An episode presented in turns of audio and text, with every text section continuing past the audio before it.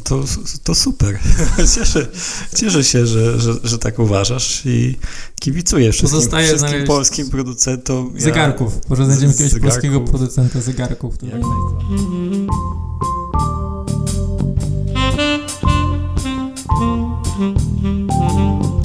Marcin, powiedz, jaki masz zegarek? E, Ja mam zegarek od stosunkowo niedawna, bo dopiero od roku wcześniej nosiłem E, i jest to e, zegarek taki dosyć z No. niskiej półki i standardowy, ale sentymentalny. Mam Casio, którego modelu oczywiście nie pamiętam, ale w stylu vintage takie Czyli należysz do, 80. do rodziny Casio, tak? Marcin, jesteś z tego dumny?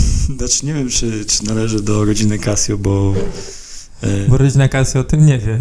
Oni o tym nie wiedzą i e, nie dostaję od nich żadnych alimentów, tylko ja im ewentualnie płacę, więc no nie do końca się czuję aż tak związany. Z, No dobra, ale to inaczej. A chciałbyś, żeby ci płacili, żebyś mówił, że jesteś z rodziny Casio? Myślę, że nawet gdyby mi po prostu dali jakikolwiek zegarek, to już bym się cieszył z tego powodu. Nie muszą mi nawet jakoś specjalnie Tak. płacić. Przy okazji pozdrawiamy wszystkich producentów zegarków. Bardzo chętnie będziemy was reklamować.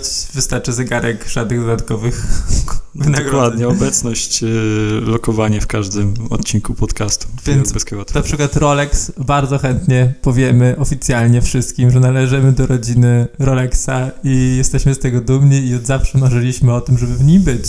Robert, nie wiem, czy my nie jesteśmy już e, za starzy, żeby ktoś nas chciał adoptować, bo pijemy tutaj do e, pewnego tematu i pewnej osoby, która dołączyła niedawno do rodziny Rolexa, ale ona ma zaledwie 19 lat, a my tutaj już e, żwawym krokiem A to- dobijamy 30. Cieszę się Marcin, że twoim jakby jedynym, jedyną przeszkodą, która jest przed nami, to jest to, że nie, nie adoptują nikogo w wieku 30 lat, a nie to, że nigdy w życiu nie osiągniemy tak dużych sukcesów sportowych jak Iga Świątek, więc e, cieszę się, że jeszcze widzisz przed nami Ja przyszłość. po prostu e, optymistycznie podchodzę do tego tematu. Staram sobie znaleźć jakieś usprawiedliwienie, żeby nie bolało aż tak bardzo.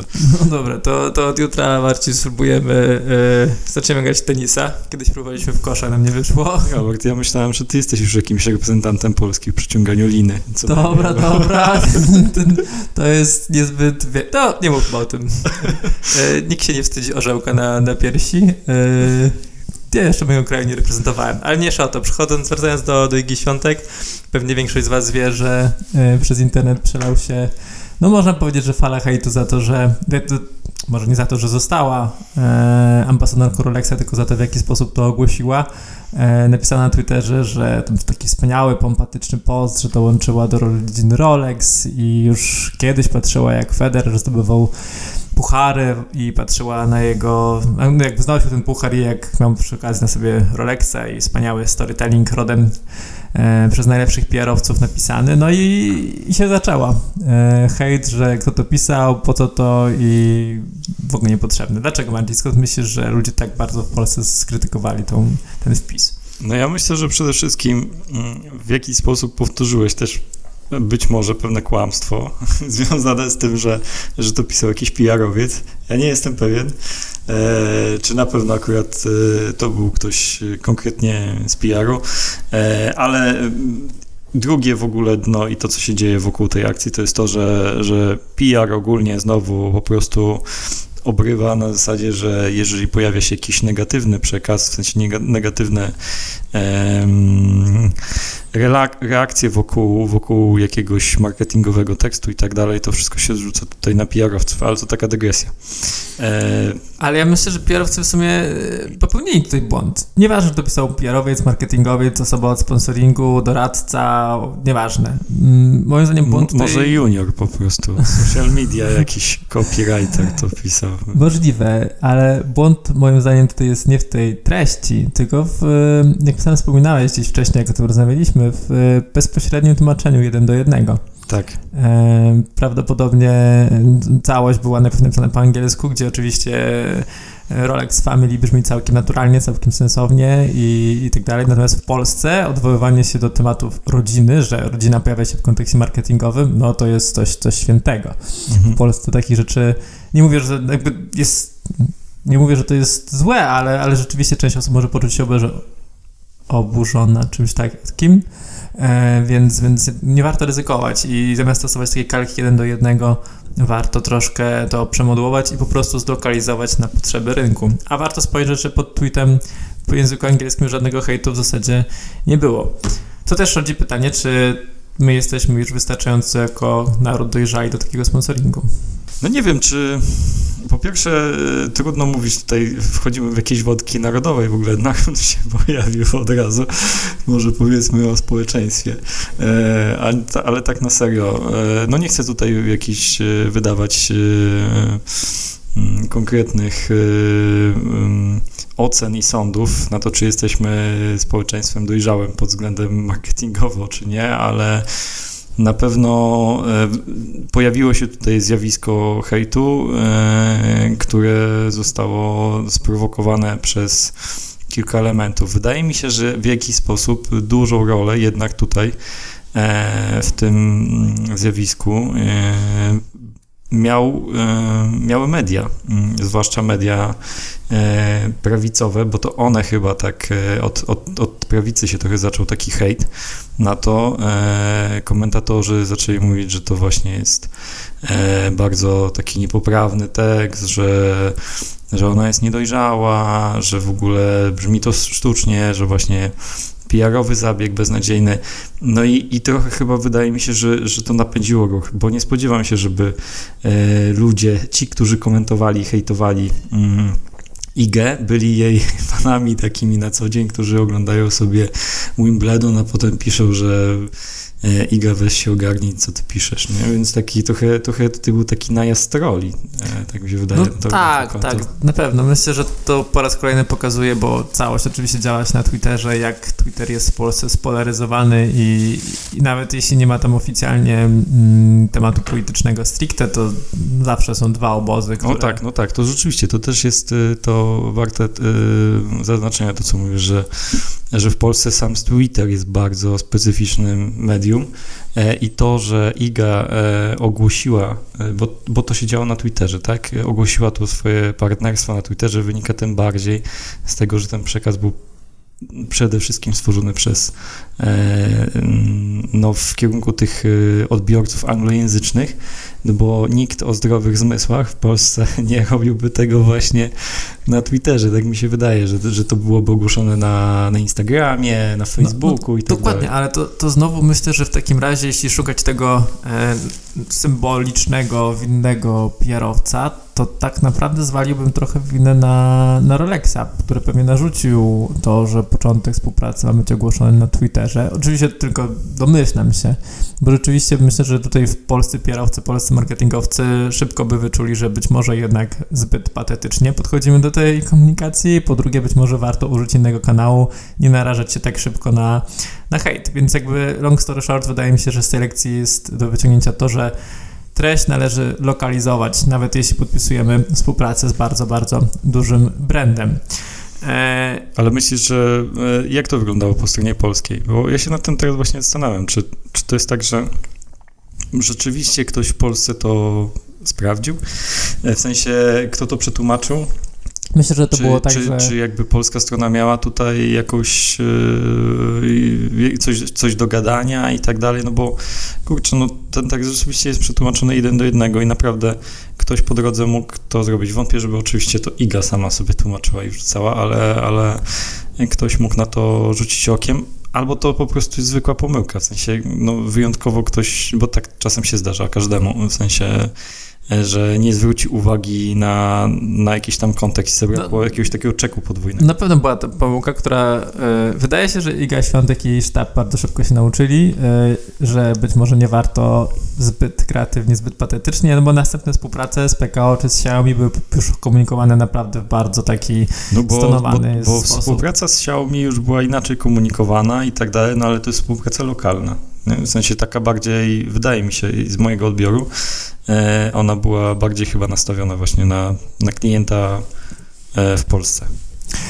A propos klienta w Polsce, warto właśnie poruszyć temat e, współpracy z PZU. Jeśli dobrze pamiętam, to PZU podpisało trzyletni kontrakt z Zigo, ale pojawiły się ciekawe głosy, już takie stricte analityczne, strategiczne, marketingowe, Po co PZU współpraca z jego świątek? Marka ma w zasadzie 100% rozpoznawalności wspieranej w badaniach konsumenckich w Polsce, więc jakby dalsze budowanie świadomości przez sport, przez Ligę Świątek nie jest do końca potrzebne. To nie jest jakby zbyt efektywna strategia, na pewno bardzo droga. No to być może za granicą w końcu Liga Świątek może być gwiazdą światowego formatu, światowego tenisa. Tylko, że PZU działa w czterech innych krajach e, poza Polską, gdzie tenis jest całkowicie jakby dyscypliną mało istotną. E, więc tak naprawdę z strategicznego punktu widzenia, po co ta współpraca? I oczywiście tutaj też pojawiły się kolejne hejty, że tak naprawdę, tylko już wymierzone w jakby firmy, że po prostu PZU chce mieć e, takie tak samo fajne kampanie jak Orlen z Kubicą.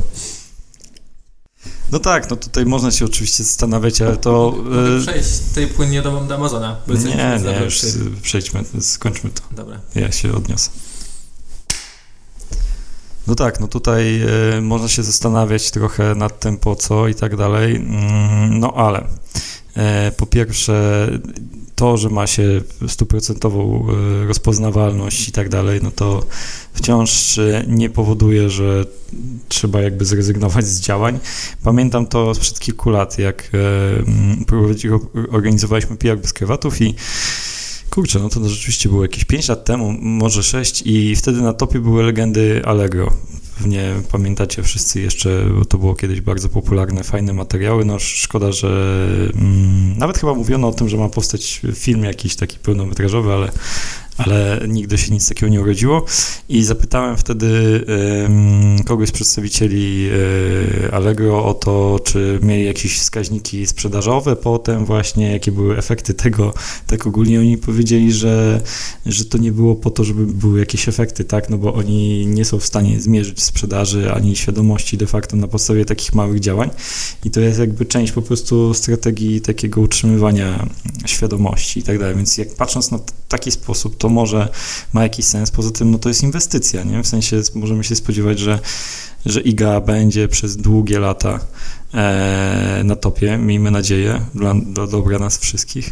I, e, no i, i, i taka inwestycja w to i właśnie potem mówienie za 10 lat, czy ileś tam, że, że PZU ją wspierało od samego początku i tak dalej, no to zawsze może budować jakieś tam e, pozytywne konotacje, nie? więc no zgadzam się, że, że, że może mm, to być takie po co, tak? No a z drugiej strony... Nie, no przez temat się serio jakby tutaj e, przekonałeś mnie, rzeczywiście. Dobrze mieć kogoś takiego w portfolio, nie? Chyba.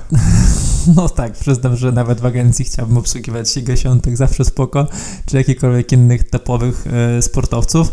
E, nie, ale nie, serio, przekonałeś mnie. Przyznam, że byłem trochę sceptyczny, zastanawiałem się po co im to, ale jednak lojalizacja klienta i budowanie bardziej pozytywnego mm, wizerunku własnej marki, no zdecydowanie może im długofalowo przynieść duże korzyści. Szkoda, że PZU, to wracam do a propos dojrzałości rynku sponsoringowego, nie chcę się pochwalić, jakie to są kwoty, E, na zachodzie jest wręcz przeciwnie. Sponsorzy uwielbiają, jakby przerzucają się, kto, kto da więcej i kto się pochwali. No, ale u nas nie? myślę, że, że to mogłoby się jeszcze spotkać z jakimś jeszcze większym hejtem. Tak, ale to wystarczy nie publikować na Twitterze, Marcin. Jak Witamy w, w rodzinie PZU i tak dalej, nie? I po prostu byłoby niefajnie. Także może w Polsce pieniądze lubią ciszę wyjątkowo akurat, jak, jak widać. Dobra Marcin, ale słuchaj, wspominałeś e, Allegro e, i zastanawiam się, czy na Allegro można kupić Rolexa, czy, czy nie, jak myślisz? No, jakiegoś na pewno. Założę się, że, że, jest oryginalnego. że jest tam jakiś y, Rolex, może używany. Nie wiem, czy, czy Rolex ma swój, że tak powiem, tam taki swój sklep y, firmowy, ale na Allegro chyba można kupić wszystko. No, ale na pewno a propos Allegro pojawiła się e, marka, na której być może będzie trochę drożej i być może takie, e, takie Rolexy się pojawią. Oczywiście trochę sobie żartuję w nawiązaniu do tego, że Amazon od wtorku E, jest dostępny w języku polskim. W końcu się stało, od kilku lat oczekiwany, w styczniu zapowiadane. Nie wiem, czy, czy można to nazwać językiem polskim, to co się dzieje aktualnie na Amazonie przede wszystkim, bo e, memy z, z tłumaczeniami, e, które w stylu właśnie mieszanka studencka karma dla studenta i tak dalej są, są naprawdę prześmieszne i pod względem tego e, maszynowego tłumaczenia to jeszcze jest no, długa droga dla Amazona. No, dużo ekspertów podkreśla to, że Amazon e, bardzo często wchodzi na rynek trochę nieprzygotowany i chociaż dotychczasowe doświadczenia pokazują, że dosyć szybko potrafi zdobywać tę pozycję lidera i lokalnych graczy e-commerce'owych e, potrafi bić na głowę,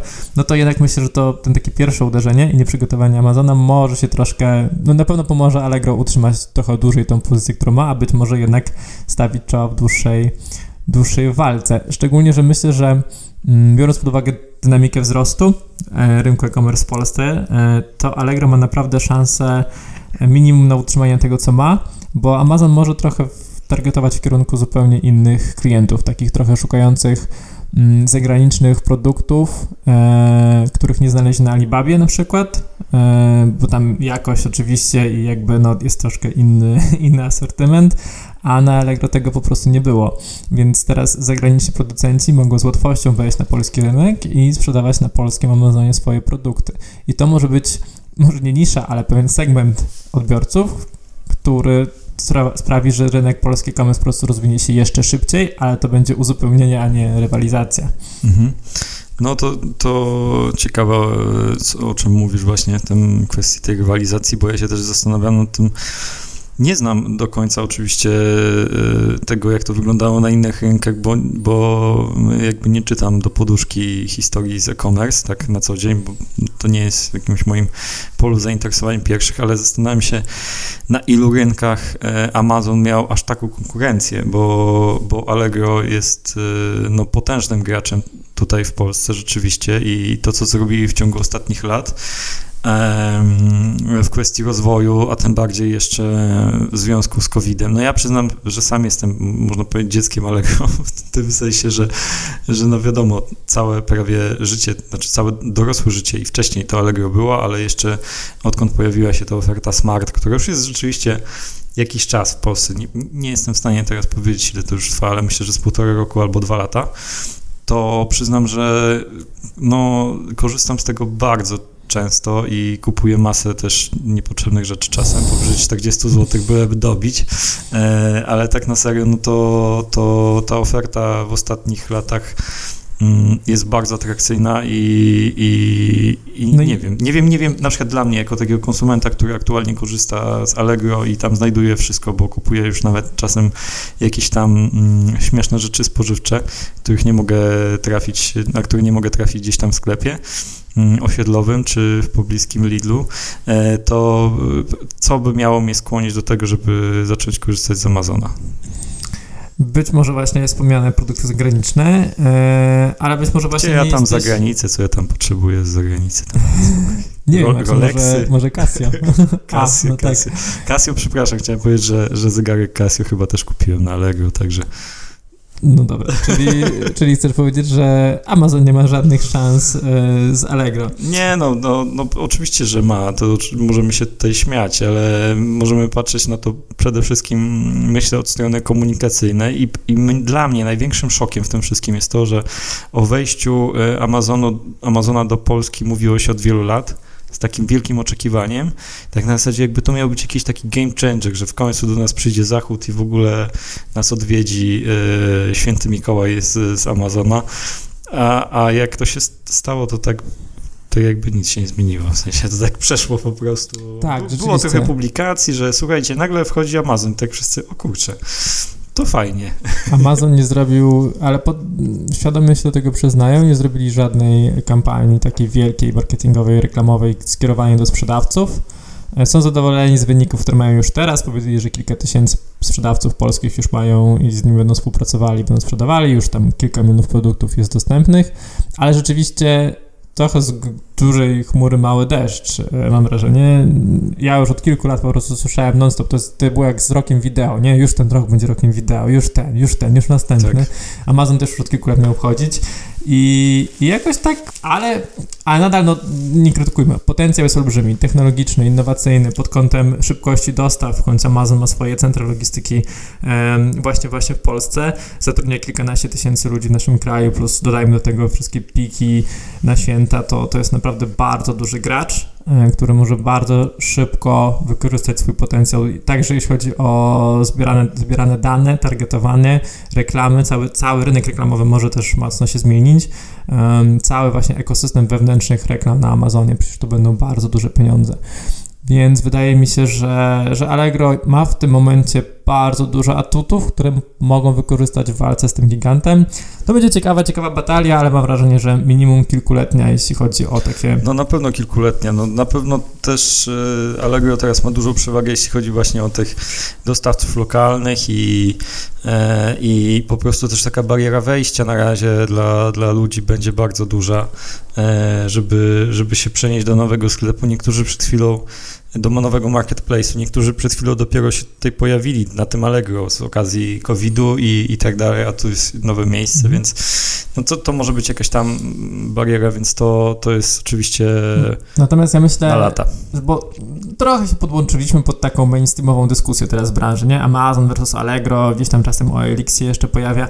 Natomiast ja myślę, że inna rzecz jest znacznie ważniejsza dla Polski, jako naszego kraju, rynku i tak dalej, że Amazon, wejście Amazonu do Polski tak aktywne daje nam niesam, polskim przedsiębiorcom niesamowitą możliwość sprzedaży na inne kraje. Wystarczy, umownie rzecz mówiąc, nie jest takie proste, ale szybka rejestracja jako sprzedawca na polskim rynku i rozpoczęcie sprzedaży w Niemczech, Szwecji czy we wszystkich innych krajach, w których Amazon jest dostępny, e, w Europie chociażby, już tu nie wspominam o Stanach. E, I rzeczywiście bardzo szybką i stosunkowo łatwą ekspansję na inne rynki. I ja myślę, że to jest szansa dla polskich producentów głównie. No to, to super.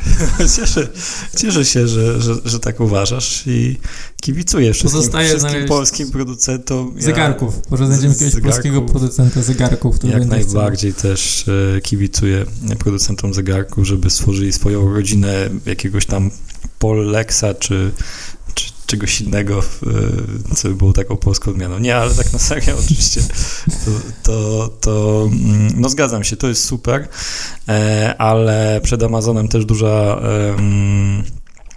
taka walka o edukację rynku, tak, i żeby pokazywanie takiej komunikacji B2B, pokazywanie rzeczywiście tego e, potencjału, żeby e, właśnie ludzie zobaczyli, że mogą szybko się wyeskalować mm, za granicę ze swoimi produktami e, dzięki wykorzystaniu tej platformy. Ciekawi mnie, w jaki sposób oni rzeczywiście będą to komunikować, czy mają już jakąś, znaczy na pewno mają jakąś strategię i, i pomysł na to, e, ale mm, ciekawe, jak to będzie wyglądało w praktyce rzeczywiście.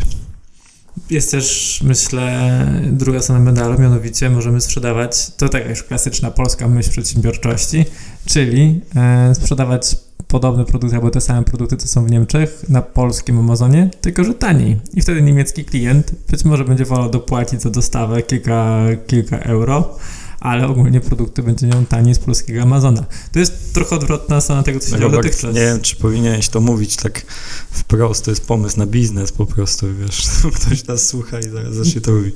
No i kto wie, może już coś takiego sam robię, a nie, nie, niestety, niestety dopiero teraz o to wpadłem. Natomiast jakby ktokolwiek chciał rozpocząć taki biznes, polecam się.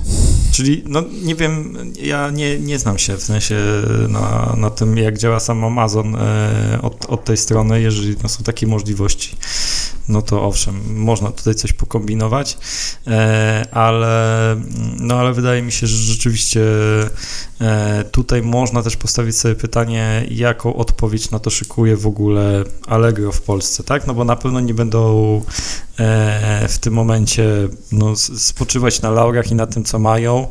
E, Na pewno szykują się do, do jakiejś tam dalsz- dalszej komunikacji ostrej i, i walki o tych klientów.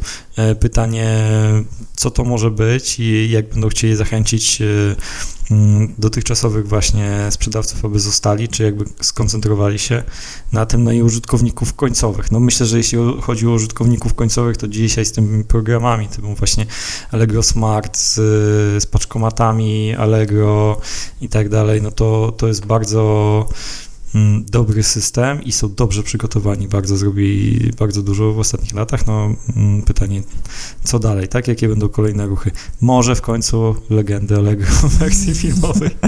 Skoro Amazon ma swoją platformę VOD, to może Ja, e, coś ja niestety myślę, że polskiego. pojedynek Amazon versus Allegro to jest trochę jak e, inwestowanie na giełdzie. Każdy ma swoje zdanie, każdy jest ekspertem, każdy wie jaka będzie przyszłość, ale tak naprawdę Ja nie jestem. Ekspertem w tej, w tej, w czymś. Ja się przy, przyznaję, że w tej wojnie ekspertem nie jestem. Mogę się tylko wypowiadać na temat tego, jak, jak na razie to widzę komunikacyjnie i, i, i, i dla mnie najważniejsze jest to właśnie, co mówiłem wcześniej, że, że Amazon nie zrobił dużego jakiegoś takiego uderzenia, jest trochę śmieszków póki co, ale podobnie jak w przypadku Rolexa i Igi mm, Świątek, za kilka miesięcy nikt nie będzie o tym pamiętał i to nie będzie miało żadnego znaczenia, e, więc będzie się liczyło to, co, co się będzie działo dalej, jakie będą wyniki wprost. Czy to na kortach, czy... Pozostaje na nam trzymać kciuki za, za wszystkie rodziny marketingowe, sportowe i e-commerce'owe. I, a myślę, że rywalizacja Amazona z Allegro to będzie korzyść dla, dla całego polskiego, polskiego biznesu, więc tak naprawdę trzymam kciuki i nie wiem, smuć się Marcin, że się nie zasz... Właśnie do tego dążyłem, że to jest tak nieobliczalne i tak nieprzewidywalne ten, ten pojedynek, że nikt tego tak naprawdę nie wie, ile w tym e-commerce na co dzień nie, nie siedzi. Dziękuję, to już e, tak lepiej mi na, na, na sercu teraz. Cieszę się, cieszę się Marcin. Y, Chciałem powiedzieć, że, że też e, dzisiaj tutaj mm, podczas tego e, naszego podcastu, który nagrywamy po, po dłuższej przerwie, sam nie wiem kiedy ostatnio e, ukazał się nasz poprzedni odcinek. Zapadliśmy mocno w jakiś taki sen mm, letnio-jesienno-zimowy chyba, roczny. z którego się, z którego się tak, z którego się, z którego się mm, budzimy i sytuacja e, niewiele się zmieniła jakby w tym czasie, bo, bo, bo, bo wciąż e, jesteśmy właśnie mm, w takiej e, rzeczywistości covidowej i tak dalej. Chciałem powiedzieć, że wyjątkowo mało właśnie na ten temat e, rozmawialiśmy dzisiaj. Bo ja już nie chcę ja niczego wiem, że ty nie chcesz właśnie, że, że nie chcesz, ale to jest właśnie ciekawe, jak, jak to się zmieniło mm, w perspektywie tych kilku, czy już powoli kilkunastu miesięcy. To znaczy, że jesteśmy dzisiaj w stanie rozmawiać sobie o tematach tam właśnie takich typu e, świątek, typu właśnie e-commerce i tak dalej. No, jakby się nic nie działo i, i jakoś Bo, tak... bo ja mam może kontrowersyjną teorię i Że wiele nic się nie dzieje, powie... że, że, że nie ma pandemii. A może, może nie, nie, nie, proszę mnie tutaj nie wrzucać do tego worka. y, Natomiast ja uważam, że cała nasza komunikacja marketingowa tak naprawdę nic nie zmieniło. Robiliśmy kilka kampanii w marcu, kwietniu, maju o tym, że trzeba myć ręce i czy cokolwiek innego takim klasycznym, mam na myśli PR-ze i w większości branż się zmieniło. Ja tego nie czuję. Nie, nie, nie, nie zmieniło się. Oczywiście e, tu też możemy wrócić do hejtu. W ogóle moglibyśmy zrobić sobie taki e, podcast albo w ogóle blog, który był się, nazywałby się Hejt bez krewatów i byśmy opowiadali tylko o hejcie. Myślę, że to by były fajne. Albo taki, taki odcinek, na przykład 10 tam wielkich zmian, jakie wprowadził COVID w komunikacji marketingowej i takie wszystkie obalić. Powiedzieć, że 10 nic się nie e, hejtów, e, które wprowadził COVID. Nie, ale tak na serio to chodzi mi o to, że, że rzeczywiście na początku było takie duże mm, ciśnienie na to, aby unikać też wszelkich e, komunikatów zbyt pozytywnych, że Boże, to jest taka tragedia i tak dalej. Oczy- Oczywiście jest tragedia i była, e, ale, ale bardzo szybko Nauczyliśmy też z komunikacji z, żyć, tego, z tego uciekliśmy i okazało się, że ludzie są, są zmęczeni i, i o ile w kwietniu w tamtym roku e, mówienie, że świat jest piękny, było takie wow, no to naprawdę hejt się leje, e, to dzisiaj zajmij się swoją pasją, odkrywaj swoją kreatywność, e, ciesz się światem i tak dalej. Taki, Bylebyś tylko nie należał do rodziny Rolexa, No bo tak, to już jest przez byle Nie wolno. Nie, nie w rodzinie, e, bo to wtedy nie fajnie. No dobrze, no to, to, to na pewno lekcją z naszego dzisiejszego odcinka jest to, żeby mm, nie No. sprzedawać karmy dla studentów i, i nie dołączać do rodzin, których się po prostu nie da. Znaczy, wydaje mi się, Marcin, że i, i Amazon, i Allegro i Iga Świątek, i Rolex, i wszystko tak naprawdę, co gdzieś mówiliśmy, moim zdaniem wszystko sprowadza się do jednej prostej rzeczy. Lokalizuj. W sensie cała twoja komunikacja musi być naprawdę dostosowana do Wow, rynku, to do jest- którego mówisz. To jest głębokie, to naprawdę... Dzięki bardzo. Myślę, że to jest właśnie banalnie proste, ale zapominamy o tym. E, Używamy najnowszych technologii do tłumaczenia tekstów, które się mylą.